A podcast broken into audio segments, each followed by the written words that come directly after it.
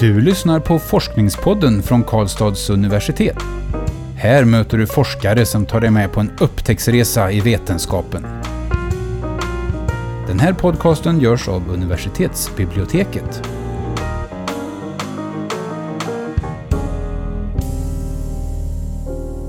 Hej och välkommen till Forskningspodden. Jag heter Karin. Jag heter Magnus. Idag har vi besök av Karin Lindskog. Varmt välkommen till dig Karin. Tack så mycket Karin.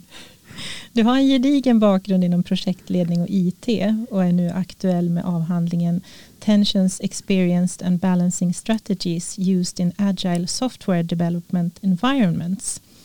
Agile Software Development, förkortat ASD, kan översättas till agil programvaruutveckling på svenska, förstår jag. Eh, vill du först berätta lite om ASD och sedan framförallt vad din avhandling handlar om? Får jag vända på frågan? Absolut. Eh, för det jag tittar på det är hur man kan undersöka motsättningar. Och de här motsättningarna kan i sin tur skapa spänningar som upplevs. Och så kan man försöka balansera och hantera de här spänningarna. Och det är ju jätteintressant, liksom, väldigt generellt, någonting som vi kan tänka tillbaka. Alla kan känna det, liksom, att vi har konkurrerande krav och motsättningar och vi känner oss liksom, vad ska vi göra? Ska vi göra det eller det eller hur ska vi kunna balansera? Liksom. Men då har jag då det som jag har under luppen, det är mm. det, det, första du frågar om, liksom agil programvaruutveckling. Mm. Och det här är ju en, en avhandling i informatik och agil programvaruutveckling är det som är liksom standard nu för tiden när man utvecklar programvara. Så var det inte tidigare utan man har liksom förändrat sitt arbetssätt. Då. Och trots att den här förändringen har pågått sedan i början på 2000-talet så visar det sig att fortfarande så vet man inte riktigt vad det här agila är. Man får kanske eh, få höra att nu ska vi bli agila och så frågar man vad betyder det? Mm. Ja, sådär. Så jag försöker liksom att utöka kunskapen om vad, vad, innebär det att vara agil och inte bara göra agilt? Mm. För det är skillnad. Och det har man sett också att om man anammar och verkligen är agil så blir man mer liksom framgångsrik också på det sättet. Då. Och då har jag tagit hjälp av de här olika teoretiska linser som kommer från ett annat kunskapsfält för att på något sätt belysa i det här sättet att utveckla programvara. Vad kan det finnas för motsättningar och motsättningar, var kommer de ifrån i så fall? Från vilka typer av relationer eller från olika håll? Försöka konkretisera också vad kan det bli för olika typer av spänningar. Men också hur kan man hantera det, försöka liksom sätta ord på det. Jag tänker på det här med att vara agil och göra agilt. Mm. Eh, finns det något exempel eller någon situation man kan liksom titta på eh, som för att liksom, vad är göra agil och vad är mm. vara agil? Mm. Eh, om vi nu ska, ska generalisera enklare för oss att göra saker som är konkret, som är tydligt och så. Alltså vi kan använda olika verktyg och digitala eller analoga verktyg för som, det som är synligt och visuellt och som det är mycket enklare att börja där. Men det som handlar om att, att vara agil handlar mycket om att anamma ett speciellt mindset eh, skapa en speciell agil kultur. Och nu kommer vi till mer liksom lite lösare svårdefinierade för det är, också, det är också så, pratar vi om mindset så har vi olika föreställningar vad ett mindset är. Mm. Eh, och de här värderingarna, det här mindsetet är väldigt viktigt men samtidigt så är det inte så mycket skrivet om det för en del i mindsetet är att vi ska ha mindre dokumentation, mindre styrning och mer kreativitet. Så att då blir det ju lätt att vi också tolkar på olika sätt. Och om vi nu tolkar det här med mindset på olika sätt så är det också svårt att mäta om vi har. Ja. Jag jobbar ju med projektledning när jag undervisar och vi ser på projektledning på två olika sätt. Vi ser dels det mänskliga perspektivet där vi pratar just om hur man utvecklar team som mår bra och som presterar bra, hur man lär känna sig själv och andra, hur man jobbar med feedback och motivation och, och hur man liksom får ihop det här sociala kittet och så man kan samarbeta. Det, det kallar vi det, det mänskliga perspektivet och ledarskap och det här konflikthantering och sådana saker. Sen har vi det liksom mer instrumentella perspektivet där, där vi pratar mer om verktyg för att planera och följa upp olika typer av projekt och flera projekt liksom och verksamheter och så. Det är alltid det här instrumentella perspektivet som är lättast att ta till. Mm. För det är så tydligt och väldefinierat. Men det mänskliga perspektivet det är det som är ska jag säga, det våra studenter tar med sig som viktigast att lära känna sig själv och andra och förstå hur lika olika man är och hur man kan eh, få ihop en grupp och må bra samtidigt som man också liksom kan prestera bra. Men det är så svårt och det krävs också tillit och det har jag i min avhandling också. Det krävs tillit, det krävs, det krävs en trygghet för att komma dit. Mm. Det, alltså det är mycket svårare fast det är mycket viktigare. Och samma sak gäller det med det agila. Att har vi den här själva kärnan med att skapa en agil kultur och mindset och följa värderingar och så. Har vi den eh, då är det här med verktygen det kommer liksom det blir mycket lättare då. Mm. Mm. Men det är också svårare om vi nu säger så här det jag tittar på är motsättningar och spänningar för att diskutera det som inte känns bra, försöka sätta ord på vad motsättningarna ligger i så krävs det ju också en tillit och en trygghet i gruppen. Mm. Att våga ta upp det och ta, få ta tid att ta upp det. Mm. Här pratar vi liksom om eh, projekt och vi, vi, pratar om att man har så mycket resultat eh, eh, att varje vecka eller varannan vecka eller var tredje vecka så ska man leverera någonting. Mm. Och då är det klart att då blir det prio, inte att man diskuterar hur man samarbetar på bästa sätt. Så det är på något sätt enklare att ta det som är mest konkret. Så jag har mm. försökt att konkretisera det här vad de här motsättningarna kan vara just i det som jag har under luppen och hur spänningarna kan upplevas jag funderar på just det här med mjukvaruutveckling. Är det en speciellt utmanande miljö? Jag inbillar mig mm. att, att saker och ting måste gå snabbt och hända. Det, det behöver komma ut fort och sådär. Eh, är det en större risk att det blir mycket spänningar just där?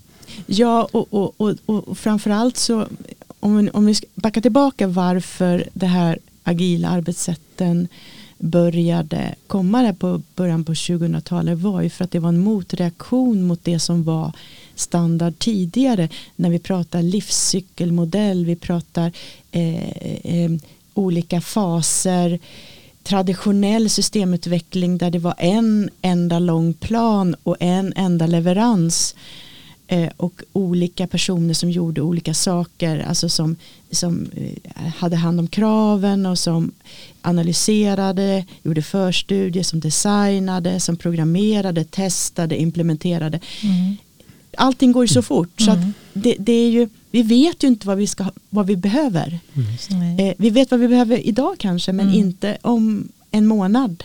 I det här liksom mindsetet handlar det om att förändring är någonting som vi måste anamma. Liksom. Mm. Det, det, är det som är, det är inte någonting negativt på det sättet utan det är någonting som hör till.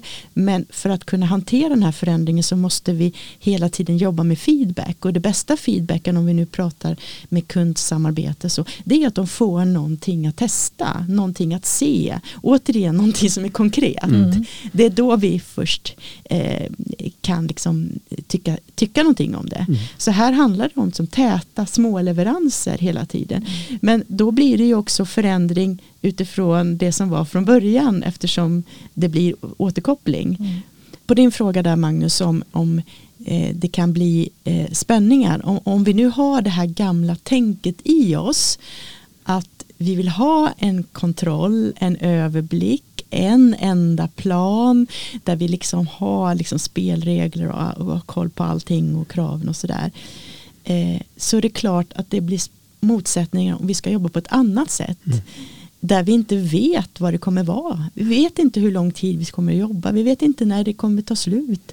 Vi, vi vet inte vad det kommer bli, vad det kommer kosta och det blir liksom spänningar. Så en stor del handlar liksom om att vi kanske tycker att vi är förändringsbara men det är vi inte alltid utan vi har mm. med oss det här gamla sättet att tänka. Och, och det var en, en, chef som sa att eh, när han eh, under då pandemin här sa att hans, eh, eller de som jobbade med honom, de fick inte vara på jobbet.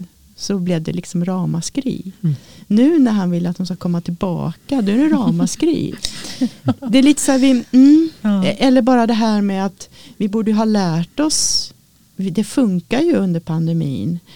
Vi borde lära oss att försöka hitta nya former nu. Mm. Men många företag vill ju ha det som det var innan. Mm. Jag tänker som du pratade om det tidigare sättet och det sättet som man jobbar nu då, eller ska jobba nu. Har det mycket att göra med hur kunden, vilken roll kunden av produkten har tagit? För jag tänker förut kan, kan man ju tänka att då fanns det ett program man fick liksom bara anpassa sig och använda det. Men nu för tiden så om det här programmet inte funkar för kunden, då väljer de en annan produkt. Alltså det är en mer, mm. Eh, är det, har det något med saken att göra också? Eller? Om vi säger nu så här, i, i det här liksom själva mindsetet och de här värderingarna så handlar det väldigt mycket om att eh, samarbete både inom liksom själva utvecklingsteamet men också med kunden på ett helt annat sätt. För ska vi generalisera så i det gamla sättet, traditionella sättet att jobba så var kunden med i början liksom kravhämtning och så. Mm. Och så fick man någonting i slutet och förhoppningsvis var det någonting bra. Oftast så var det kanske inte det som behövdes. Medan de är, nu är de, ska de vara med mm. i alltså, hela tiden. Att eh, inte bestämma hur det ska utvecklas, för det har man ju utvecklarna till. Mm. Men prioritera. Vad är viktigast just nu? Vilken funktion är viktigast just nu? Så det krävs av kunden att lägga den tiden och ha den kunskapen och, mm. och vad ska jag säga, ha den inställningen att det är viktigt att vara med också. Så det är mycket inställning till hur man samarbetar och, vill du berätta lite om hur du har gått tillväga för att undersöka det? Det låter ju som en utmaning att, att studera också, men hur har du gjort mer konkret? Sådär? Mm. Jag har ju gjort en sammanläggningsavhandling med eh, fyra artiklar eh, som liksom ska stå för sig själv om man säger och sen ska man ju knyta ihop det. Då. Den första artikeln var mera en konceptuell där jag tittade på eh, vad andra eh, hade forskat om de här begreppen som jag använde eh, i det här, kontext, eh, det här agil programvarutveckling och försökte liksom eh, hitta kopplingar och beskriva och så. Så den var ju liksom mer, den var ju teoretisk så.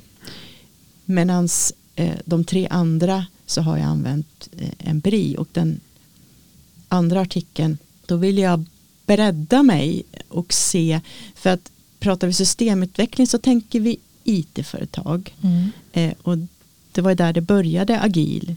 Men sen har det ju spritt sig och nästan alla företag och organisationer jobb, jobbar med systemutveckling, liksom anpassar och så. Då.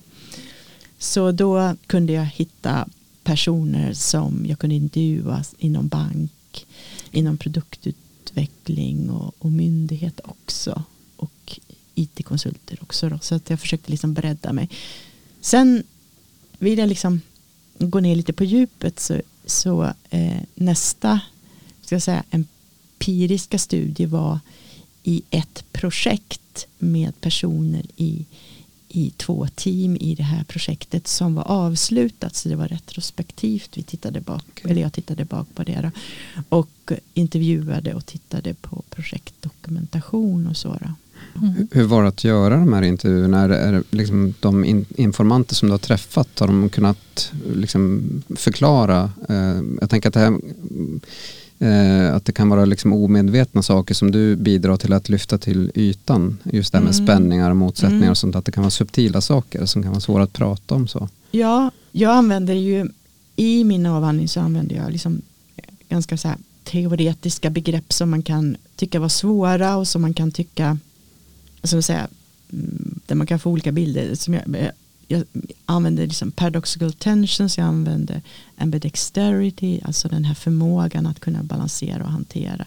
Och motsättningar. Och det ligger ju liksom, kan ju ligga väldigt negativt eh, ladda, det kan vara negativt laddade ord. Och det jag försökte att ha sådana öppna frågor, framförallt den första studien eftersom det var också en grounded theory studie där det ska vara öppna frågor eh, liksom där man ska få, få fram empirin och inte stänga några dörrar sådär. Och, så det handlade mycket liksom om att de skulle beskriva mm. Alltså, mm. beskriv en sprint och en sprint är en sån här iteration på kanske två, tre veckor där de jobbar eh, och sen eh, de har planerat den och sen jobbar de och så tittar de tillbaka och, och så, och visar och demar och får feedback och sen planerar de nästa.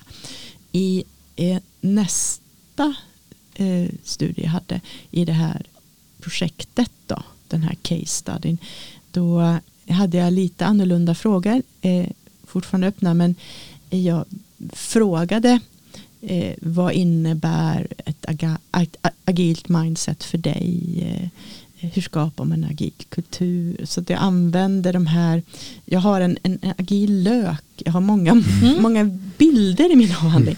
Och en är liksom en agil lök som mm. beskriver eh, så längst in i det här liksom, kärnan då med mindset och kulturen och så mm. går det utåt till, till verktyg och så processer. Och så. så då använder jag de här olika lagren i löken när jag ställer frågor också. Mm som jag också frågade faktiskt, eh, hur upplever du att, att både liksom ha kontroll och struktur och följa processer och samtidigt vara förändringsbar och flexibel? Liksom, hur upplever mm. du det? Liksom? Och, och försöka förklara. Och i, i, i mitt fall, för jag ju reflekterar ju jättemycket, ibland alldeles för mycket, eh, om hur jag upp, har upplevt det under min liksom, studietid. Och att använda bilder, att jag har jättemånga som inte finns i mm. avhandlingen också, har varit ett sätt för mig att få en struktur och få mm. ordning liksom och försöka eh, visualisera det jag tänker för att också sen kunna få feedback från handledare och mm. andra. Och oftast så handlar det om att de inte alls förstår hur jag har tänkt och då mm. får man ju det som en feedback. Då. Mm. Och det använder jag också som någon slags bidrag också att man kan använda, jag har tagit upp tre modeller för att på något sätt lite enklare diskutera och kanske förstå hur jobbar vi agilt? Hur blir just vi agila i våra projekt eller våra team eller i vår organisation? För det måste ju se ut på, på det unika sättet. Liksom. Om man nu ska säga som en paradox så är det ju så att det agila arbetssättet eller mindsetet handlar ju om att handlar ju mindre om dokumentation om man jämför med den traditionella där det finns liksom metodhandböcker och permar och verkligen strikt. Mm. Utan det är ju mycket mer liksom man pratar om att man har fyra värderingar och tolv principer. Sen är det egentligen liksom det är det. Mm. Men då kan det ju också tolkas på så många olika sätt. Mm. Så att då diskutera i sitt team eller sitt projekt eller sin organisation.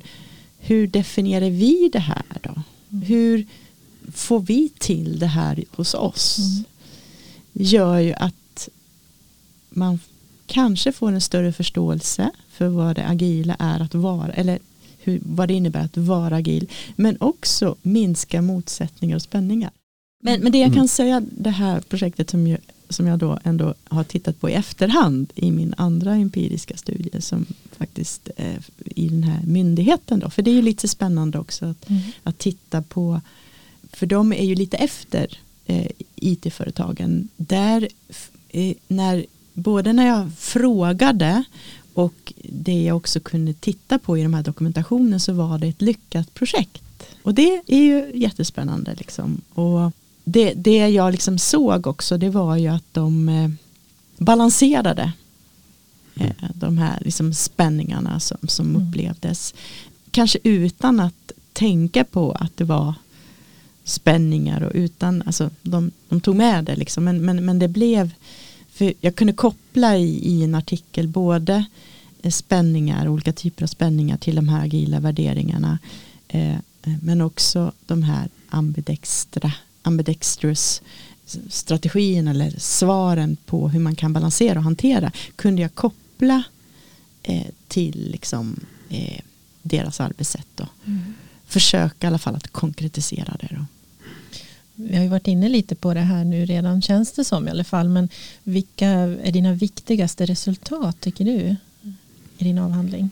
Ja, eh, man pratar ju liksom om teoretiska och praktiska bidrag. Och jag hade ju en, också en ambition att både försöka att eh, konceptualisera, försöka liksom konkretisera vad ASD, alltså agil programvaruutveckling är. För att det, det har liksom fattats det. För att det är ju praktikerstyrt. Så att liksom, det har ju bidragit till att det inte är liksom dels kanske beforskat så mycket som andra områden men också eh, eftersom fortfarande folk inte riktigt vet vad det är mm. så behöver det kanske tydliggöras då. Det var liksom den ena delen och den andra delen var också att använda de här linserna som jag kunde uppleva ibland ganska på en övergripande nivå. Till exempel paradoxical tensions kommer från, eh, första, från en metateori så att det är ganska liksom försöka att konkretisera, eh, försöka sätta ord på det. Liksom. Det var liksom ambitionen då. Och försöka dra kopplingar också mellan eh, motsättningar, spänningar och hur man kan hantera det. Eh, så jag har liksom försökt att visa ett exempel på hur man liksom kan konkretisera det. Sen tycker jag också att det är viktigt att man kan få en praktisk lite nytta av det. Eh, och då, som jag sa tidigare, så har jag lyft liksom tre modeller som man kan använda för att eh, eh diskutera, visualisera, reflektera över till exempel hur man bedriver agilt. Alltså, eh, och var svårighet kanske eller motsättningar, spänning kan, kan finnas någonstans och oftast är det ju så, använder man en bild, det kan ju säga en form av prototyp, då, så, så är det mycket lättare att tänka tillsammans. För mm. jag, jag har ju tagit upp sådana här begrepp som eh, att man delar mentala modeller. Liksom, att, mm. eh, för det är så lätt att tänka att det som är självklart för mig mm. är självklart för dig, men det är det ju inte, utan det är bara klart för mig. Eh, för vi lägger in och det, där är det ju mycket motsättningar som bildas just för att vi tror att alla förstår.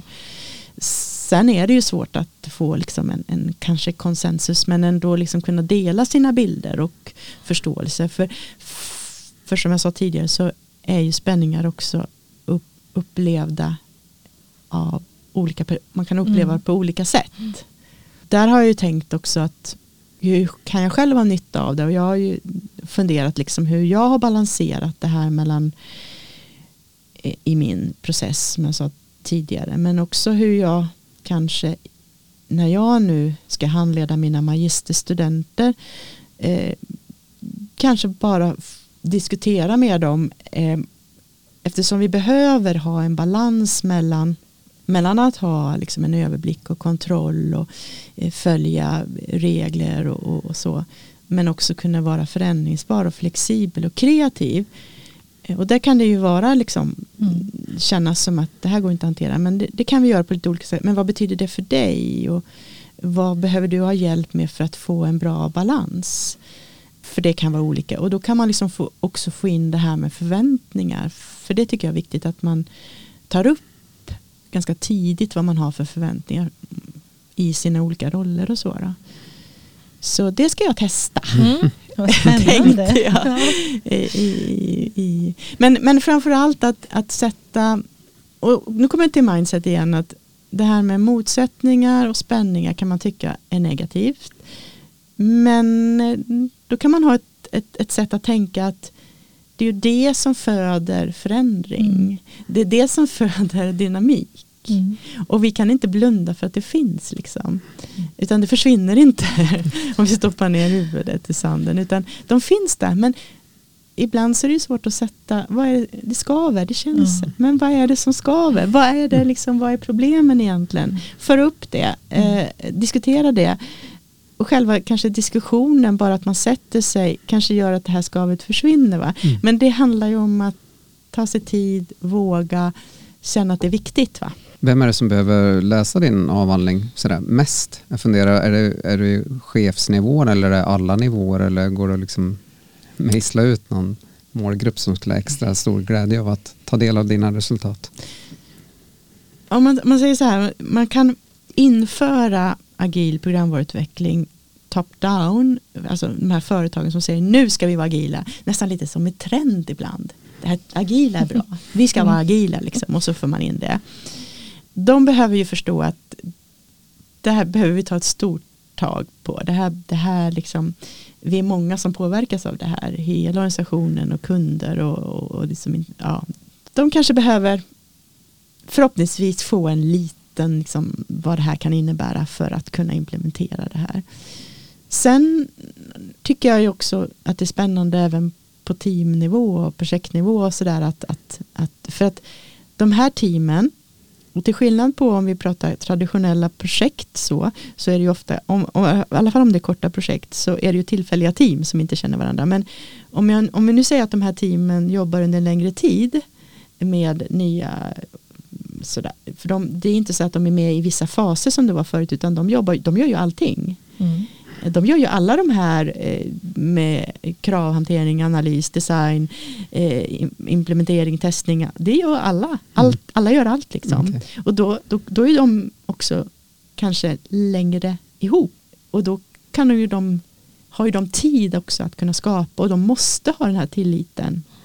Ingen kan ju gömma sig. Alla ska ju göra allt även om man kanske inte är hundra på vad man ska göra. Man måste kunna be om hjälp. Mm. Man, må, man måste kanske kunna sitta och samarbeta tillsammans för att lära av varandra. Och allt sånt krävs ju liksom, jag pratar om psykologisk trygghet. Eh, alltså att man, man vågar be om hjälp, att man Mm. vågar säga att det här känns inte bra, även om ni tycker det så tycker inte jag det. Att våga eh, ifrågasätta, att kunna reflektera i grupp och kunna liksom erkänna att ibland blir det fel, att våga testa och sådär. Men det krävs jättemycket av personer för att komma dit. Liksom. Mm. mm. Det Mm. låter lite som att man skulle, eller att det är många som kanske skulle ha din bok under armen lite sådär. Mm, så, som en liten snuttefilt också i, Och, när det är jobbiga processer man håller på med och så. Precis, och veta att det kommer, man växer av det här som team och man lyckas liksom ha den här tilliten känns det Ja. ju som ändå. Precis. Eh, Det, det kan få teamet att växa. Och arbetsplatsen, företaget Tack. kanske till och med. tack. Mm. Eh, och, och det finns det faktiskt annan forskning på att eh, team som har den här psykologiska tryggheten och som jobbar med den konstant, för det handlar ju inte om en kick-off, det Nej. förstår ni, utan Mm. det här jobbar man hela tiden. Det är ju ett verb liksom, att teama Mm. ihop sig. De mår ju bra Mm. och det är ju viktigt, Mm. men de presterar bra också. Mm. Så det är liksom win-win. Om jag ska nog gå tillbaka så är det ju det svåra. För det är inte så konkret. Återigen så är det mycket lättare att göra det här. Nu ska vi göra det här sprinten, nu ska vi göra de här funktionerna här och sen ska vi... le- Det är mycket tydligare, mycket enklare. Det är det vi gör. Mm. Fast det här andra som är så viktigt, det här själva kärnan. Mm. Parandet. Ja, Ja, Mm. precis. så att, eh, mm, Jag tycker det är bra ord som får avsluta helt enkelt. Mm. Eh, Så jag tackar dig Karin för att du varit med och gästat Forskningspodden. Och vi önskar dig lycka till med ditt fortsatta arbete förstås. Och tack till er också som lyssnat på podden. Om du är intresserad av att läsa Karin Lindskogs doktorsavhandling så finns den att ladda ner i vår publikationsdatabas DIVA. Vi hörs i nästa avsnitt. Du har lyssnat på Forskningspodden från Karlstads universitet. Den här podcasten görs av universitetsbiblioteket. Alla avsnitt hittar du på kau.se forskningspodden.